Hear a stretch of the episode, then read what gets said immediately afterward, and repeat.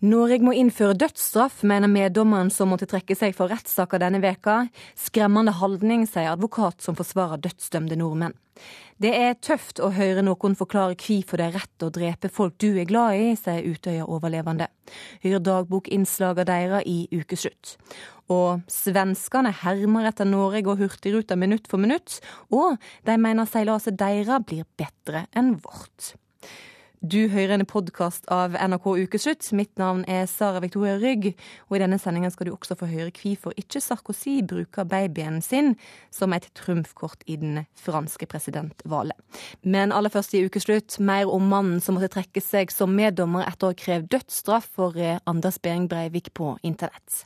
Det har vært veldig kaotisk. Eh, tirsdag så var det jo beleirer utenfor huset mitt hjemme, og masse telefoner. Eh, så til slutt så stakk jeg av for hele greia.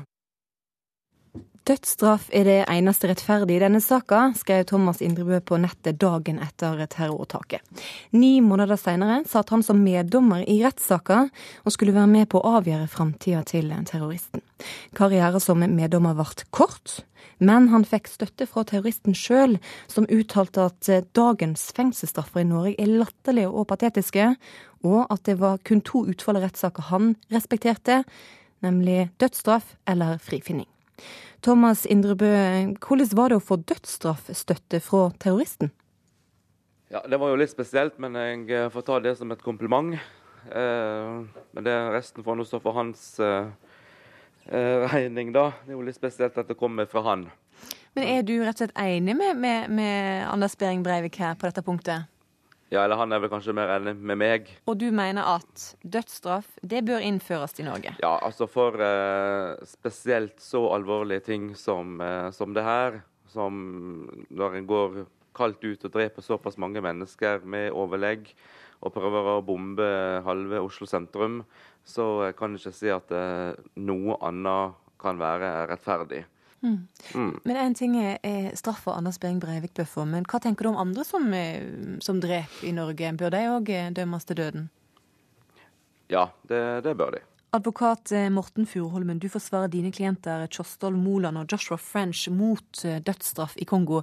De er dømt til døden hvor mange ganger? Ja, French er vel dømt til døden fire ganger, og Moland fem ganger. Mm. Hva tenker du om å innføre dødsstraff i Norge, sånn som Indrebø her ønsker? Paradokset vil jo være at man da i realiteten vil nærme seg Behring Breiviks, Breiviks uh, synspunkter og tankeverden. Og man vil også nærme seg samfunnsmodeller og nasjoner som praktiserer dødsstraff, som uh, vi ikke ønsker å være modell for vårt demokrati og vår rettsstat. Mm. Indre Bø, hva tenker du om det? Da vil jo Norge bli nesten som Kongo, da? Ja, men Kongo er et u-land òg, i tillegg. Eh, men eh, selvfølgelig. Jeg, jeg, jeg, står for det jeg har sagt, og jeg syns det er trist at det ikke finnes rettferdig nok straffer for, uh, for, alvorlige forbrytelser. Her i Norge så en jo, tar en jo nesten inn på hotell når en blir uh, fengsla og sitter inne. Men for, for særskilt alvorlige forbrytelser og, og sånn, så, så, må det være en, en, en, form for rettferdighet. Og for meg er det da dødsstraff, da. Anders Behring Breivik sier jo sjøl at han, det eneste han eh, godkjenner her, er frifinning eller dødsstraff. Skal vi da gi han den kan du si, gleden med å, å, å høre på han og dømme han til døden, tenker du? Ja, Det er vel mer for å spare samfunnet for unødvendige utgifter, da. Eh, men eh, å glede han Jeg vet ikke. Han blir vel kanskje en martyr, da. Det er jo ikke det som er saken her.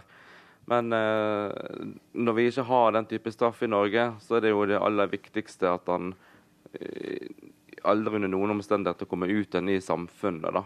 Furuholmen Indrebø er ikke alene om å si at det, det, kan være en idé å innføre dødsstraff i Norge igjen. I en undersøking som Dagbladet gjorde i oktober, så sa 16% at de ønsker dødsstraff i Norge. Hvorfor tror du det er så mange som tenker dette her? Altså det, det er ikke overraskende at mange tenker de tankene etter en så uhyrlig og grusom eh, handling som eh, nå skjer i rettsapparatet. Det er menneskelig, og man gir uttrykk for avasjoner og følelser, men eh, det er kortsiktig. Norge har som nasjon og rettsstat tatt det valget at staten ikke skal ta liv. Man mener altså at livet er ukrenkelig. Det er jo et uttrykk for universale menneskerettigheter. Også et produkt av at man har et fungerende og utviklet samfunn. Eh, og jeg tror det er viktig at man har det, de signalene eh, som en rollemodell for eh, landets innbyggere. Det bevisstgjør oss at livet er viktig. Og hvis man da skal forlate det utgangspunktet på bakgrunn av en enkeltstående uhyrlig handling, så har jo terroristen vunnet. Så da har man imøtekommet og tapt hardt arbeidede prinsipper som man har brukt århundrer på å utvikle. Så dette er kortsiktig, og ikke bare at man da kanskje får et hardere samfunn. og kunne se for seg en rettsstat hvor man hadde en tiltalt i bur og en hat- og vredestemning rundt prosessen. Det hadde vært eh, absolutt det siste vi kunne ønske oss. Og nettopp måten vi har handlet på, Eh, måten vi har klart å håndtere og respondere på, på, den ondskapen vi har sett, har gjort at vi kan gå videre som nasjon og så vise at vi er, en, vi er et samfunn som bærer i oss andre idealer enn eh, de vi skal ta avstand fra. Anders Behring Breivik eh, sa i retten denne veka at 21 års fengsel er en latterlig straff. Er du enig i det, Indrebø? Ja, altså skal han dømmes til livstid, så må det være livstid i ordets forstand. Mm. Hvordan kunne du eh, si ja til å sitte som meddommer når du er uenig med hvordan det norske rettssamfunnet fungerer? Ja, Nå var jeg plukka ut tilfeldig, eh, og det her kom jo ganske overraskende på meg. da. Men eh, når det er sagt, så er jeg jo på en måte glad for at det her ble oppdaga såpass tidlig som det ble. Det hadde jo blitt eh, katastrofe om det hadde blitt oppdaga seinere og alt måtte gjøres på nytt igjen. da. Jeg hører det du sier, Indrebø. Jeg jeg er litt skremt av holdningene dine, og jeg er jo veldig glad for at dette ble oppdaget. og Det er litt, uh, litt begrenset å snakke om økonomi og kostnader i, i denne diskusjonen som går på dødsstraff. Um, jeg tror det er viktig at man holder fast på de prinsippene, og det er vel de fleste i Norge heldigvis enig med meg i. Og det ville jo vært uh, å gå i helt feil retning hvis man da skulle gjeninnføre noe man har lagt bak seg. Nå er ikke du en av de som skal være med å dømme Anders Behring Breivik. Hva håper du han blir dømt til? Ut fra det norske rettssystemet? Da vil jeg håpe og tro at han ble dømt til eh, fengsel. Eh, jeg har en oppfatning om at han er like frisk som meg og deg. Og, at uh, utover det så, så kommer han aldri mer ut igjen i, i samfunnet. Jeg håper jeg er friskere enn Behring Breivik. Um, og det håper jeg også du er, Inderbø. I hvert fall når du har tatt på deg vervet å være dommer. Uh, og jeg tror også den frykten for at han kommer ut til det norske samfunnet, den, uh, det er en frykt som er, er ganske konstruert. Uh, uavhengig hva han får av straff, enten tilregnelig utilregnelig, så vil nok han aldri komme ut til det norske samfunn. Takk for, dere, takk for dere var med i Ukeslutt, Morten Furuholmen og Thomas Indrebø.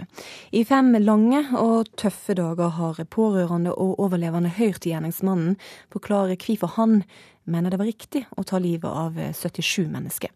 Reporter Ida Tune Øretsland har fulgt Torunn Kanutte Husvik, som var på Utøya 22.07, gjennom den første veka. Det er jo uansett ikke lett å høre at noen sitter og Si at det eneste de ikke angrer på at de ikke gikk lenger.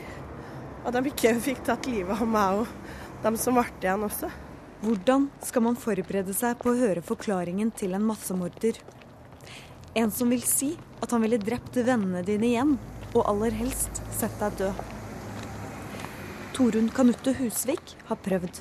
Jeg har vært på fengslingsmøte, og så har jeg lest veldig mange av avhørene til Brevik. Og så har jeg satt meg ned og tenkt gjennom om jeg virkelig vil litt, om jeg har et behov for å gå. Jeg må innrømme at jeg ikke helt vet hva jeg kommer meg i. Når Torunn går inn i tinghuset, står det politimenn med våpen ved sperringene. Og i lufta henger det et helikopter. Denne mandagen følger verdenspressen med på det som skjer i sal 250. For meg så er det viktigste med å øh, være i nærheten av gjerningsmannen. Se at jeg greier å, å, å ha kontroll på meg sjøl i nærheten av han. I tingretten får Torunn høre navnet på hver av de 77 som døde, og hvordan. Og også at Anders Behring Breiviks plan den 22. juli var at den lista skulle bli mye lengre. Først og fremst var den 21. juli helt fantastisk. Den var helt perfekt ute i dag. Men så våkner vi 22. juli i, på et Utøya som er veldig mørkt og kaldt og tungt eh, og regnfullt. 28 år gamle Torunn har vært på Utøya-leir 15 somre. Sist var hun der for å holde foredrag for AUF-erne. Hun hadde fått beskjed om bomben i regjeringskvartalet og gjorde seg klar til å dra tilbake til Oslo. Og før jeg rekker å begynne å gå til den båten, så knitrer det veldig utafor vinduet. Så ser jeg, så ser jeg to stykker som detter på den plassen. Eh, og så er vi bare tre stykker på det rommet, den ene roper 'legg deg på bakken'. Mens vi ligger der, så endrer hele naborommet seg til en helt voldsom skranglekasse. Det er hyling, folk springer, det rister veldig. Det er jo Og det avfyres masse skudd. Det som skjedde inn der, er, er jo de verste lydene jeg har hørt. Torunn løper ut av huset. På veien sjekker hun pulsen til flere av dem som ligger på bakken. Så gjemmer hun seg. Jeg lå, jeg lå i bakken. Eh, inn mot skogen. Det er høyt gress der. Eh, bak eh, to trær som står i den bakken. Jeg hører når den er i nærheten eh, ved to anledninger. Går det bra? Ja da. Dag to i tingretten er over. Det var uten tvil veldig tøft å, å høre, høre lydloggene fra utsida. Det, det var vel det, det verste i hele går. Det var kjempetøft. De lydene um, er de verste lydene jeg kan høre. Det som kanskje er mest skremmende med det han sier, er at det er Det, det er ikke så ekstremt. Ja, hvordan da? Det han sier, er ting du kan lese i kommentatorfeltene til Dagbladet og VG på en vanlig onsdag. Fra tinghuset går Torunn til Arbeiderpartiets hus på Youngstorget. Eh, Jeg er på vei opp eh, på møte i arbeidsutvalget i Oslo Arbeiderparti. Jeg har vært eh, valgt inn i styret i Oslo Arbeiderparti her um, i mars. Sammen med flere unge folk og flere som uh, har vært på Utøya sammen med meg. Så der har jeg fått ansvaret for uh, kvinnepolitikken, og nå skal vi sette ned mitt uh, politiske utvalg. Hallo? Hei, det er Torunn.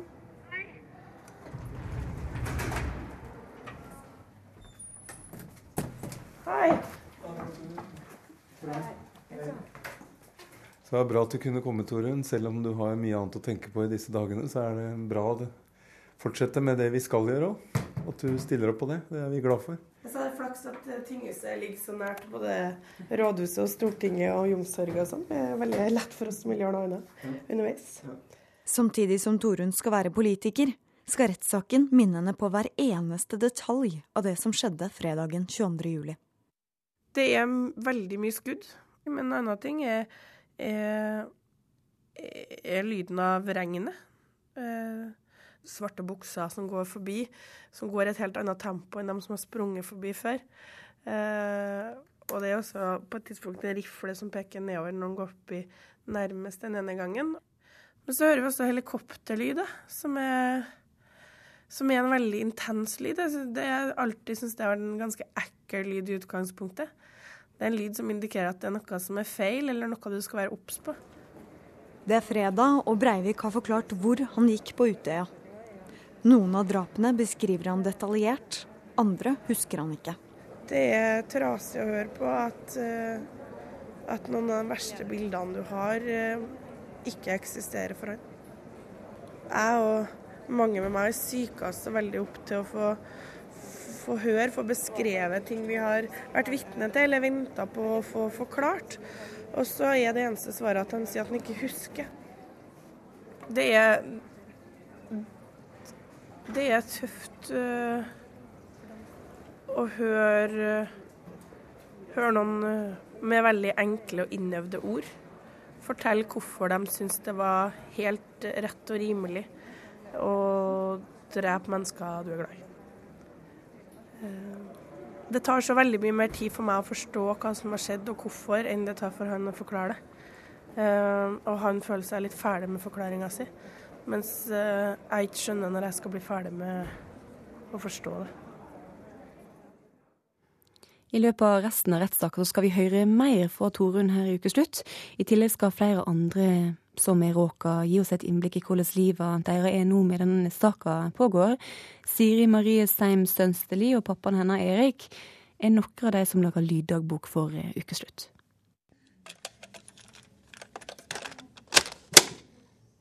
Hva syns du har vært det verste øyeblikket under eh, dagene i rettssaken så langt? De verste øyeblikkene har Det verste må helt klart være lydklippet fra Utøya. Mm. Og bli dratt tilbake. Og innse at uh, det kun var sekunder som skilte at jeg var en skjebne i kafébygget. Jeg får kanskje ikke høre det mediene har sagt at det var det verste i går. Eller kommer ut at det er det verste, for jeg dro til lunsj. Hva gjorde du? Jeg dro ut for å ha et normalt liv. Det livet som er utenfor tinghuset. Um, det innebar å møte en tante. Uh, gå litt rundt i byen med henne. Det innebar å gå alene til domkirka. Ha litt tid for meg selv. Hvordan var det? Det var veldig fint. Jeg er halv tolv, vi er stuptrøtte begge to.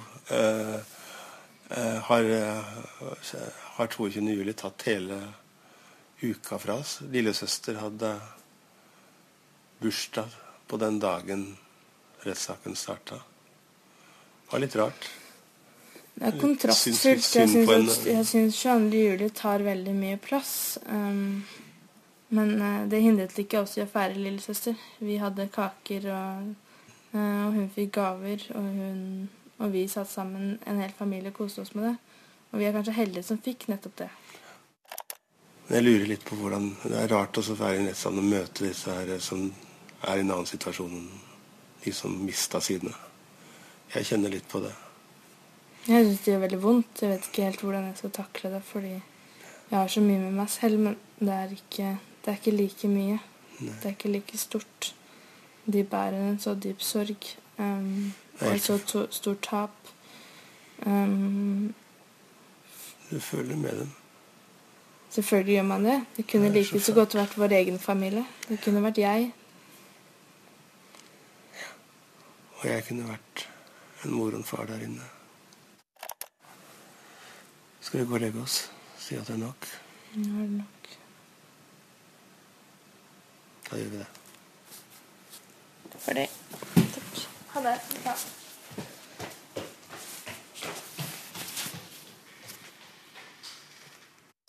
Midt i alt det triste og vonde denne veka, så har det heldigvis vært mye å smile for også. Lurer på om du kan huske noe som har fått deg til å smile denne uka her? Lønnsøkning. det har fått meg til å smile. Vi smilte jo også da du kom inn i døra. Alt er hyggelig. Man bare tenker positivt. det er stort sett sånn morsomme kunder eller rare kunder som kommer inn. Sånn små karikaturer. Hva er det som gjør deg glad? Penger. Helle Gannestad, rett etter 22. Eh, juli-åtaket så varmer du ei hel vær med, med ordene 'når én mann kan forårsake så mye vondt', tenk hvor mye kjærlighet vi kan eh, skape sammen. Denne veka har du fått mange til å smile med det jeg vil kalle en lykkeaksjon. Hva er det for en aksjon? Nei, eh, det begynte som en eh, veldig sånn egosentrisk greie, egentlig. Jeg ville finne ut eh, hvordan jeg kunne bli glad. For på mandag, når rettssaken begynte, så var jeg så langt ned i kjelleren. Og jeg tenkte at ja, hvis jeg spør noen som har smilt i dag, om hva de har smilt om, kanskje jeg får et smil om munnen sjøl. Og det visste jeg at jeg fikk faktisk det. Så jeg spurte hele verden, eller Twitter som det òg kalles, og jeg fikk så mange fine svar. Mm. Så du har gått rundt og smilt litt ekstra denne veka kanskje til folk du ikke kjenner òg, eller? Ja, altså man føler seg jo litt gal da når man smiler til fremmede folk på gata. Men eh, det føles òg veldig godt. Hvordan reagerer folk? Nei, eh, man får jo som regel et smil tilbake. Mm. Lisa Wivoldstrøm, du er noe så fint som lykkeforsker. Du jobber ved NTNU i Trondheim, og du er òg faglig leder i Mind. Forklar oss hva et smil gjør for helsa vår. Å ja. Eh, først vil jeg si at det er fantastisk bra at Helle gjør det her, for vi vet at det virker. Eh, og når det gjelder hvordan smil påvirker helsa vår, så kan jeg først forklare at vi har jo to system i kroppen for følelser. Det er for de negative og for de positive. Eh, og de negative følelsene er jo veldig knytta til stress og alarmberedskap. ikke sant? At eh, det skal mye mer blod pumpes ut i kroppen. Vi skal slå av alt det vi ikke har bruk for av immunforsvar og fordøyelse og sånne ting. Eh, mens de positive følelsene de skal på en måte justere ned det her igjen. Balansere oss igjen, slå på fordøyelse og immunforsvar og alt det der. Og det betyr jo at positive følelser er veldig nærende og helsefremmende, og at de negative kan være veldig belastende. Eh, men det som også er viktig å tenke på, er jo den både retninga. For vi er så vant til å tenke at eh, først så har vi en følelse, og så uttrykker vi den fysisk. Eh, men det går også andre veien. Så hvis vi smiler, så sender vi signaler til hjernen gjennom musklene vi bruker og kroppsholdninger vi har, om at nå er vi glad, og da begynner vi å frigjøre sånne lykkehormoner. Og det er derfor at vi har dette uttrykket at hvis du smiler til verden, så smiler den til deg. Og det er for at vi imiterer hverandre. Vi kaller det for sosial speiling, altså at vi gjør det vi ser andre gjør. Mm. Standup-komiker Dag Sørås, jobben din er rett og slett å få folk til å smile og le. Du står på scenen hver uke, også nå under rettssaker. Mm. Hvordan er det å få folk til å le nå i disse tider? Jeg snakker jo om rettssaken på scenen. Jeg, ikke, jeg, følger med, og jeg har ikke noe, noe spesielt jeg har ikke noen følelsesmessig distanse, så jeg er, jeg er ganske deprimert denne uka. Men jeg syns det også er greit. Uh, men, uh, men, jeg klarer å få folk til å flire av visse aspekter av rettssaken, faktisk. Og, og, det er jo en god følelse. Jeg vet ikke om det gjør dem lykkelige nødvendigvis, men min jobb er liksom å kommentere det som er i mediebildet, og da ville det vært unaturlig å ikke ta for meg det her. Du spøkte jo vitser om 22. juli altså så tidlig som noen uker etter terroråtaket. Hvordan reagerte folk på det? Eh, det var veldig mye positive tilbakemeldinger. Og alle de som ble sint, det var utelukkende fordi jeg i det hele tatt snakka om temaet. Det var ingenting spesifikt jeg hadde sagt. For mitt utgangspunkt har hele tida vært at hva enn jeg sier om 22.07, skal jeg kunne si om det så var pårørende til stede. Og så lenge jeg kan um, oppfyller det kriteriet for meg sjøl, så, så, står jeg inne for alt jeg har sagt. Men jeg kan godt skjønne at folk reagerer. Det var derfor jeg prøvde å være tilgjengelig etter så og snakka med de som mm. var sur.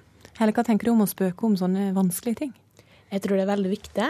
Um, jeg merker jo sjøl etter 22. juli, når jeg var sammen med AUF-ere uh, i dagene etterpå, at uh, vi måtte ha en god tone, og vi måtte flire av ting som var vanskelig, for å komme oss gjennom det. Og um, nei, jeg tror det er viktig for å lette på stemninga, rett og slett. Mm. mm. Lise, kan det bryte ned noen tabuer rundt eh, saker og ting som er bare helt forferdelig vanskelig, dersom en smiler og ler litt rundt det, kanskje? Altså Generelt sett så er jo humor og smil og glede noe som som er på en måte avvæpner litt vanskelige, tunge stemninger. Så det, det, kan være et veldig fint virkemiddel. Og så er det jo en forferdelig vanskelig sånn balansegang når det er OK å gjøre det, i hvilke arenaer er det greit å gjøre det. Eh, men jeg tror at, at, jeg er enig med Helle at det, det, er OK og det er viktig i noen sammenhenger. Og så må man selvfølgelig være var for eh, hvordan det blir formidla. Ja, da, hvordan holder du deg innenfor grensa? Jeg vet ikke, jeg, jeg starta med å bare snakke om mine egne erfaringer den dagen, fordi jeg var sammen med svigerfaren min, som er rabiat høyreekstrem. Så det var liksom utgangspunktet mitt. Jeg tenker Hvis jeg bare snakker om mine egne følelser og erfaringer, så er det en ganske fin eh, inngangsport. Uh, og så har det jo balla på seg. Og så er det jo sånn at jo mer tid som går, jo lettere blir det å snakke om det. Men det er jo fortsatt, straks jeg, jeg nevner navnet, så, så, blir det jo helt stille. Og jeg tror også det er fordi folk er redd for at jeg skal si noe galt. Så de er redd på mine vegne på mange mm. måter. Men uh, det går vanligvis greit. Mm. Men dette er jo også en veldig ekstrem sak. Sånn at uh, i mange andre tilfeller vil det sikkert være lettere å bruke humor for å liksom løsne opp stemninga litt. Og så er det, det er jo en forsvarsmekanisme, først og fremst. Det er liksom mm. sånn man men vi er heller ikke skapt sånn at vi klarer å gå over det uendelig lang tid med bare negative følelser. For følelser er jo ikke statisk. Det er jo noe som varierer. og eh, beveger, Vi beveger oss inn og ut av ulike sinnsstemninger i løpet av en dag og i uker, og måneder og år. Eh, så det er jo Timing blir jo òg ganske viktig, da. Så selv om ting er veldig vanskelig og trist nå, så på et tidspunkt så vil den le igjen? Ja, det vil de aller, aller fleste, mm, med et generelt utgangspunkt.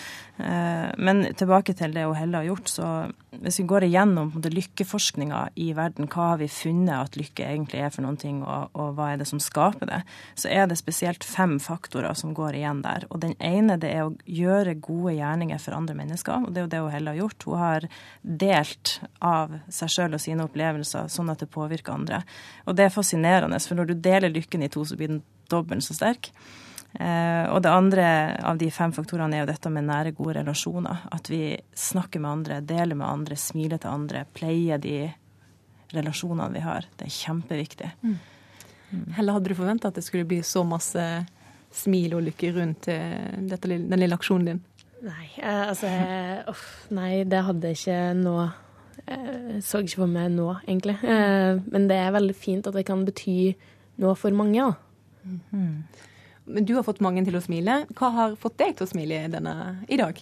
Og i dag Og Jeg smilte egentlig ganske mye. Men uh, kjekke menn på bussen, uh, barn på sparkesykkel, uh, rent bad. I dag har du smilt av kjekke menn på bussen? Nei, ikke, ikke i dag, vel å merke. Nei, jeg ble, jeg ble vekt av sønnen min i senga i dag. Og selv om det ble seint i går, så fikk det meg til å smile. Mm. Lisa, hva har du smilt av i dag? det kom en kjekk mann inn på badet i morges med en kopp kaffe til meg, og det var nok det første smilet som, som jeg hadde. Ja. Takk til deg, Lisa Wivoldstrøm, til deg, Dag Sør, og til deg, Helle Garnestad. Du hører på en podkast av NRK Ukeslutt, og det må du bare holde fram med å gjøre, for da får du høre at Carl I. Hagen han er altfor trist og vondbråten til å dra på landsmøtet til Frp. For første gang siden 1975 holder han seg unna. Og svenskene kopierer Hurtigrute-TV. De er for moderne og urbane, så dette kommer til å floppe, mener reklameekspert. I USA bruker politikerne både hundene sine og barna sine til å kaste glans over seg sjølve når de kjemper om politiske verv. I morgen starter første runde av det franske presidentvalget. Men sjøl om Sarkozy gjør det dårlig for tida, så får vi verken se modellkona hans eller babyen hans på valgmøtene. Reporter i Paris Erik Aasheim lurer på hvor det blir av familien i fransk valgkamp. Française, français, aidez-moi! Aidez-moi! Hjelp meg med å vinne, roper den lille mannen i blå dress til 100 000 franskmenn. Vi er på valgmøte med president Nicolas Sarkozy. Han sliter på meningsmålingene.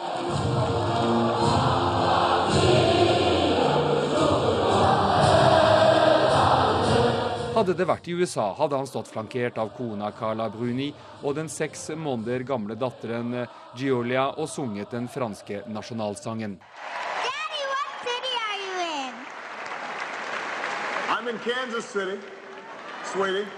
Barack Obama bruker både familien og hunden for å holde populariteten oppe, som her i et videomøte med sine to barn.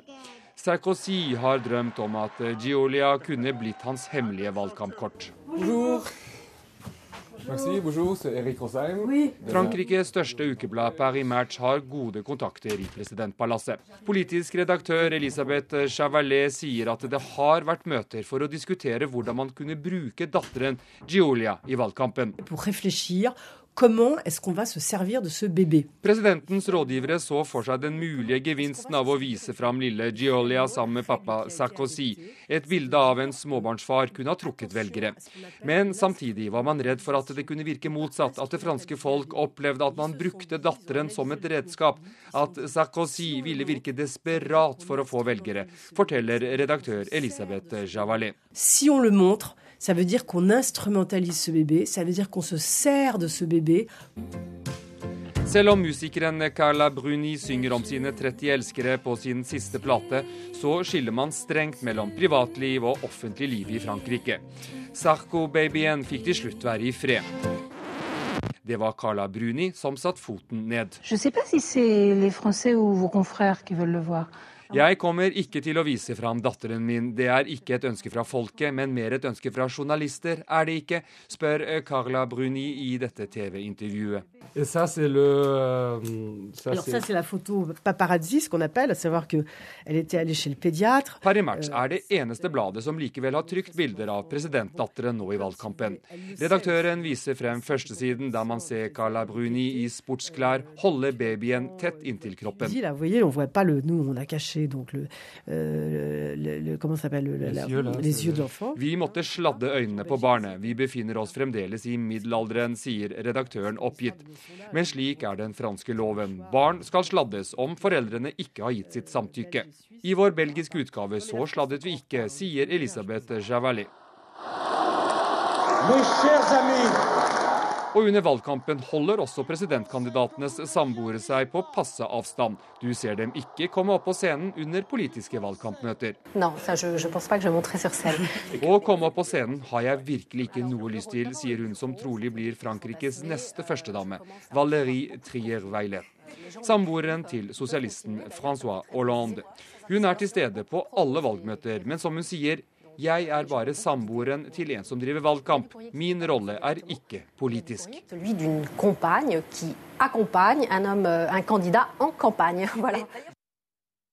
På Fremskrittspartiets landsmøte på Gardermoen mangler det en sentral person. For for første gang siden 1975 deltar ikke Carl I. Hagen på landsmøtet. Vi er det parti og har den politikk som forsvarer småkårsfolket i Norge mot vår nye overklasse, politikere og byråkrater. Carl I. Hagen i en av sine mange taler til FrPs landsmøte, denne fra 1988.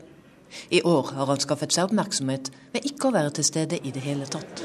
Det blir rart å ikke ha han her, vil jeg si. Det sier en av Frp-erne jeg snakker med på landsmøtet. Er det litt synd? Det er opp til personen som ser, tror jeg. jeg Sjøl syns jeg det er veldig synd, men eh, sånn er det. For eh, mange av de som er her, så er jo Carl grunnen til at de er her. Han er grunnen til at de har gått inn i politikken og velger å bruke mye tid på dette. Det er klart, da er det synd. Kommer du til å savne Carl I. Hagen på dette landsmøtet? Nå er jeg såpass ung, så jeg veit egentlig ikke. Jeg har på en måte alltid hatt Siv som min leder, så det blir kanskje litt spesielt. Kanskje for mer for de gamle og etablerte. Vi treffer en av dem hun snakker om, litt lenger borte i korridoren. Og ganske riktig, han syns det er leit at Hagen ikke er på plass. Ja, det syns jeg virkelig. Carl I. Hagen har gjort så mye for partiet. og Er en eh, så kjernekar at å sitte hjemme nå og eh, kanskje være litt uh, ubekvem med situasjonen, det, det, det er jeg veldig lei meg for. Reporter på landsmøtet var Katrin Hellesnes. Carl I. Hagen, du hører her at du, du er savna på landsmøtet. Er det litt vemodig å ikke være på Gardermoen med resten av gjengen? Ja, det er klart det er det. Det er uh, veldig vemodig. Og det er hyggelig at uh, det er en del som uh, savner meg, men slik ble det. Mm. Hva er det artigste med et landsmøte som du virkelig syns er trist å gå glipp av?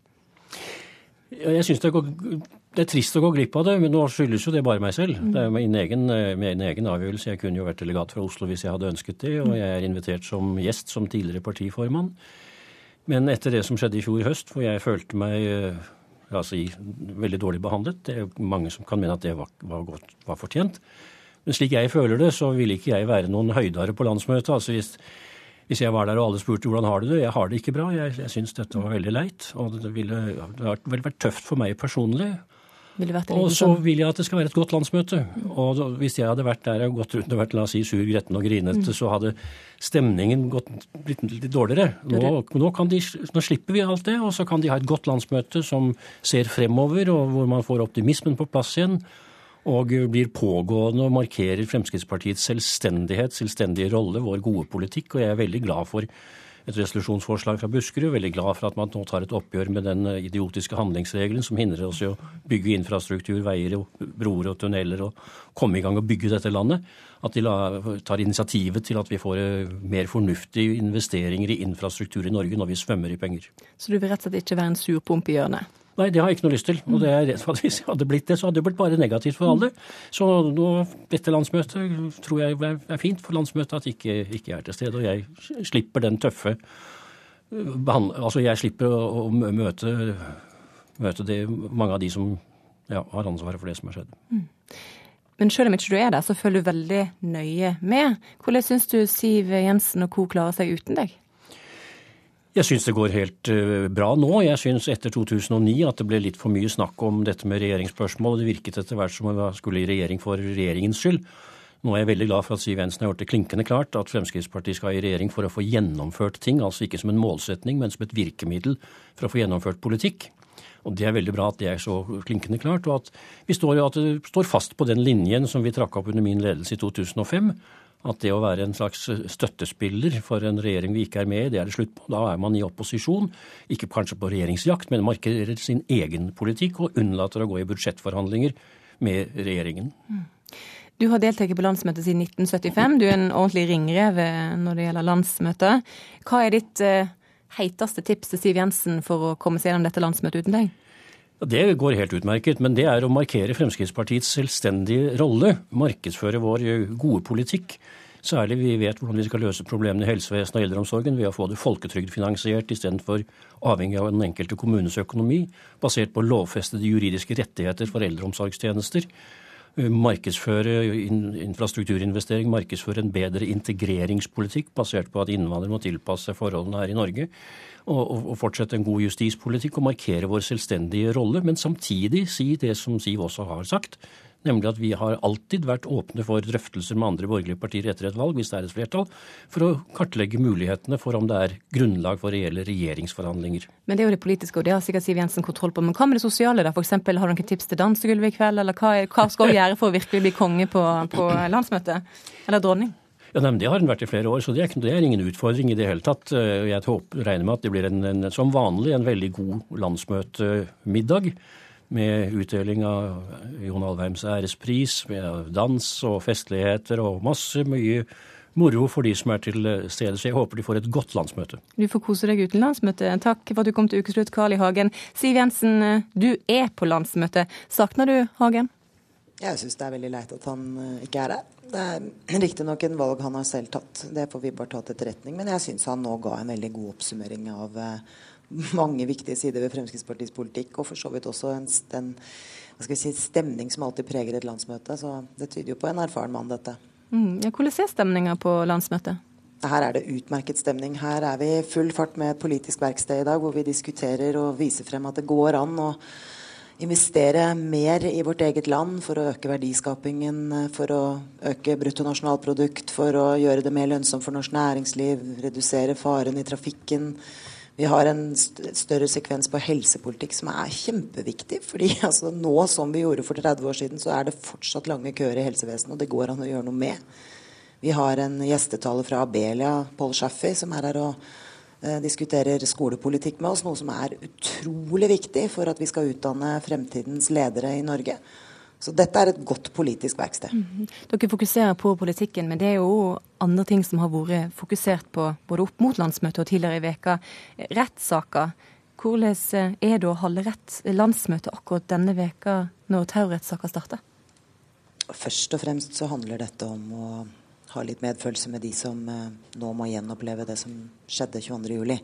Jeg tror det må være usedvanlig tøft å høre all den galskapen som kommer ut eh, av massemorderens munn. Eh, så våre tanker går først og fremst til dem. Men dette er jo rettsstatens oppgjør med en massemorder. Og noe av det beste med arbeidsdelingen i vårt samfunn, det er at rettsstaten skal gjøre jobben sin. Eh, domstolene. Og så skal politiske partier eh, gjøre sin jobb gjennom å bringe demokratiet videre. Og det er viktig at vi klarer å bringe litt normalitet inn i noe som fremstår som helt absurd. For det gjør det hvis man bare hører på den galskapen som kommer derfra. Men Anders Behring Breivik har nevnt Frp ved flere høve i løpet av veka. Han sa bl.a. at 22.07 kanskje ikke hadde skjedd dersom Frp satt i regjering. Hva, hva er din kommentar til det?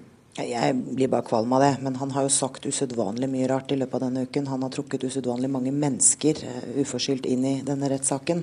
Det kan man ikke forholde seg til. Vi må forholde oss til det som nå skjer, nemlig at rettsstaten tar et oppgjør med en massemorder, og han kommer til å få sin straff.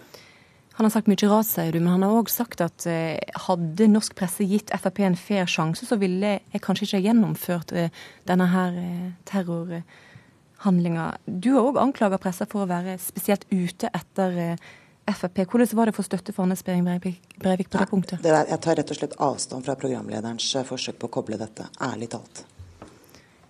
Hva sier de andre delegatene til, til denne rettssaken? Hvordan blir det snakk om i, i korridorene? Jeg tror um, de fleste gir uttrykk for akkurat det jeg gjør, nemlig at vi nå først og fremst tenker på de som uh, må gjenoppleve det som skjedde 22.07. Men at vi er veldig glad for at vi har en sterk rettsstat som tar oppgjør med uh, kriminelle, med massemordere uh, og terrorister. Det er veldig bra. Og at vi som politisk parti, et helt normalt, ordinært politisk parti i Norge, Eh, gjør vår jobb for demokratiet. Mm. Takk til deg, Siv Jensen, og ha et riktig godt uh, landsmøte. Kommentator i Vårt Land, Åshild Mathisen. Siv Jensen vil på ingen måte at en skal trekke noen paralleller her mellom det Anders Behring Breivik sier, og det hun tidligere har sagt om f.eks. pressas i håndtering av Frp og jakt på Frp, som hun sier. Mm. Hva tenker du om det? Nei, først må jeg si at uh, uh, jeg syns eh, Siv Jensen eh, greip det ganske godt an da hun starta med nettopp dette i sin landsmøtetale. Eh, hun nevnte på en måte elefanten i rommet, og sa sånn som hun sier her. At, at, landsmøtet deres er en del av demokratiet, akkurat som rettsstatens oppgjør med terroristen er en del av demokratiet. Mm. Men så er det selvsagt sånn at eh, det at Anders Behring Breivik både Altså, man har kalt inn vitner fra Fremskrittspartiet, deriblant eh, Carl I. Hagen.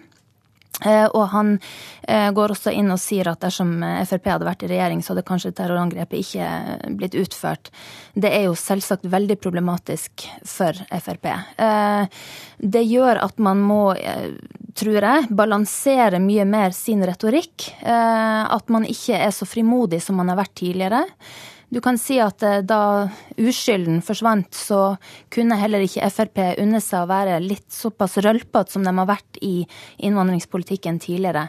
Um, og så er det jo et spørsmål om det er en fordel at vi har et mindre åpent ordskifte. Jeg tror det har vært bra. Eh, altså, tar, det er ikke bra hvis man stigmatiserer innvandrere, men, men stort sett har eh, debatten i Norge vært ganske renhårig. Og Samtidig sier jo Christian Tybring-Gjedde som en del av eh, Frp at han vil ikke at terroristen skal bestemme hva ord de bruker i politikken. Ja. De vil ikke endre sin retorikk Nei, og mildne den. Men det gjør den. Altså, jeg tror ikke vi hører ordet snikislamisering med det første. Eh, jeg tror at eh, dette gjør dem mindre frimodige. Eh, og at altså, sånn sett så har dessverre terror, altså, terrorhandlinga fått en motsatt effekt av det Breivik ønska, fordi at jeg tror Frp vil være mindre frimodig på den arenaen som er innvandringspolitikk fremover. Og det så vi også i talen, at eh, Siv Jensen valgte heller en gladhistorie, der hun kjører taxi med en med minoritetsbakgrunn som sier at han stemmer Frp, selv om han blir råda til ikke å gjøre det. Eh, ikke sant? Det, Frp kan ikke i lengden leve på gladhistorien. De har et kritisk, uh, en kritisk innfallsvinkel her, og det må de ta frem igjen. Mm. Siv Jensen, jeg forstår deg nok ikke spesielt glad i å prate om det som skjer i rettssaken. Hvor skadelig er det at Anders Behring Breivik driver og nevner det hele tida? Nei, altså jeg tror faktisk det som er mest skadelig er, eller altså for Frp, er at de har en eh, mindre frimodig tone på et, en av sine hjertesaker. Når det kommer til folk flest, så tror jeg faktisk at, eh, at man ser det at eh, terroristen var i Fremskrittspartiet. Men han forlot Fremskrittspartiet, han forlot demokratiske virkemidler og valgte terrorisme.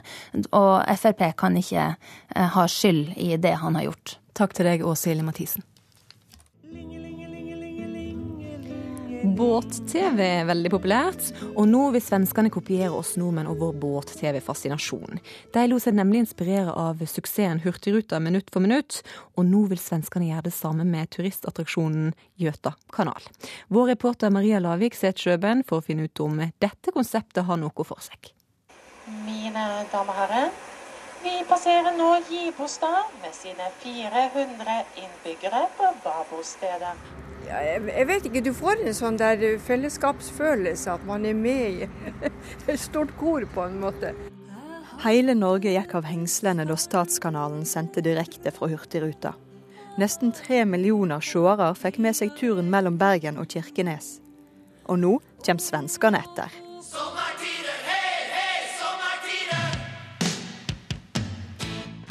Det, det känns jättespännande och vi kommer lägga stor kraft på att vi kan genomföra det här under sommaren. Så, så får vi se. Vi hoppas och håller tummarna. Det sier Anders Donlaug, administrerende direktør i Gjøta kanalbolag. Han vil lage direkte-TV fra Götakanal, en 19 mil lang kanal i sørlige Sverige. Ja, vi har tittat på det här som Hurtigruten har gjort och fascineres over över det. Och Hurtigruten, liksom Göta kanal, är ju två jättebetydelsefulla besöksmål och turistattraktioner för, för respektive land. Og han mener at svenskene kan gjøre det bedre enn oss. Vi, visst ska det bli like bra. Vår ambisjon er at det skal bli bedre. I og med at vi har en, en økt nærhet. Altså, kanalen er jo, er jo, veldig smal og man ser menneskene og slussene eh, i et nære perspektiv. Bare det er en opplevelse som alle får være med då på båten via kameran. Jo, jeg blir veldig sjøsyk. Men ikke alle liker direktesendt båttur på TV. De har mer sjarm, disse gamle båtene. Har ikke det? Trond Blindheim går om bord rutebåten fra Oslo til Nesodden. Han ble til en folkefiende da han kritiserte hurtigrutesendinga. Men det var alt fra at de skulle skyte meg i knærne, og, og de eh, skulle ta meg hvis de så meg på bygda. Ja. Jeg var inne og så noen ganger og så bare baugen på båten og så noen som pratet oppe på broen. og Jeg, jeg, jeg kan ikke med min beste velvilje forstå at det tiltrekker seg mange seere. Trond Blindheim er rektor ved Markedshøgskolen og har lite tru på TV-planene til svenskene.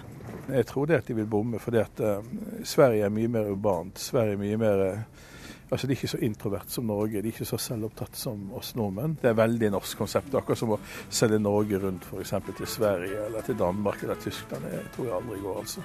Nej, det, det, det, det, tror jag inte på. Det, det finns säkert den kategorin människor i Sverige likväl som de finns i Norge.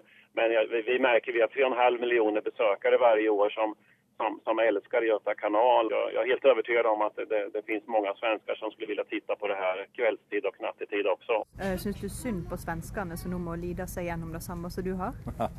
De har sikkert flere kanaler enn det vi har. Jeg uh, har kun NRK, så jeg kan ikke jeg har ikke noe å skru over på. Jeg må skru enten av TV, eller så jeg skru på NRK1 eller 2. Du har hørt en podkast av NRK Ukeslutt. Ansvarlig for sendinga var Gry Veiby. Finn Lie styrte teknikken, og jeg heter Sara Victoria Rygg.